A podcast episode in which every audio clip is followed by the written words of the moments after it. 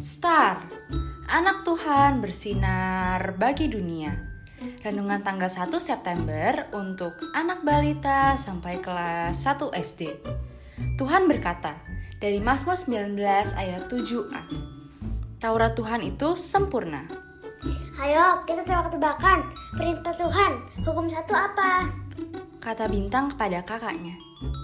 Jangan ada Tuhan lain di hadapanku, kata bulan. Seratus. Kata bintang bersemangat. Apa sih maksudnya perintah Tuhan itu, mah? Tanya mentari kepada papa.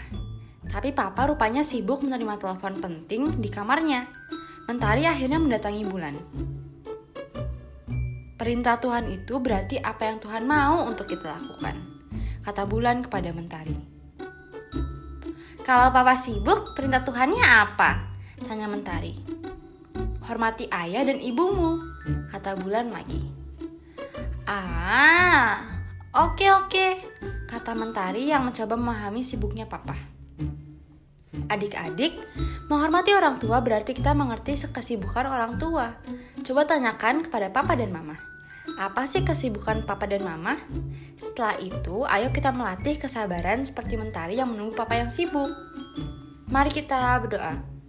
Tuhan Yesus, aku mau terus belajar hormat pada orang tua sesuai perintah Tuhan yang kelima. Amin.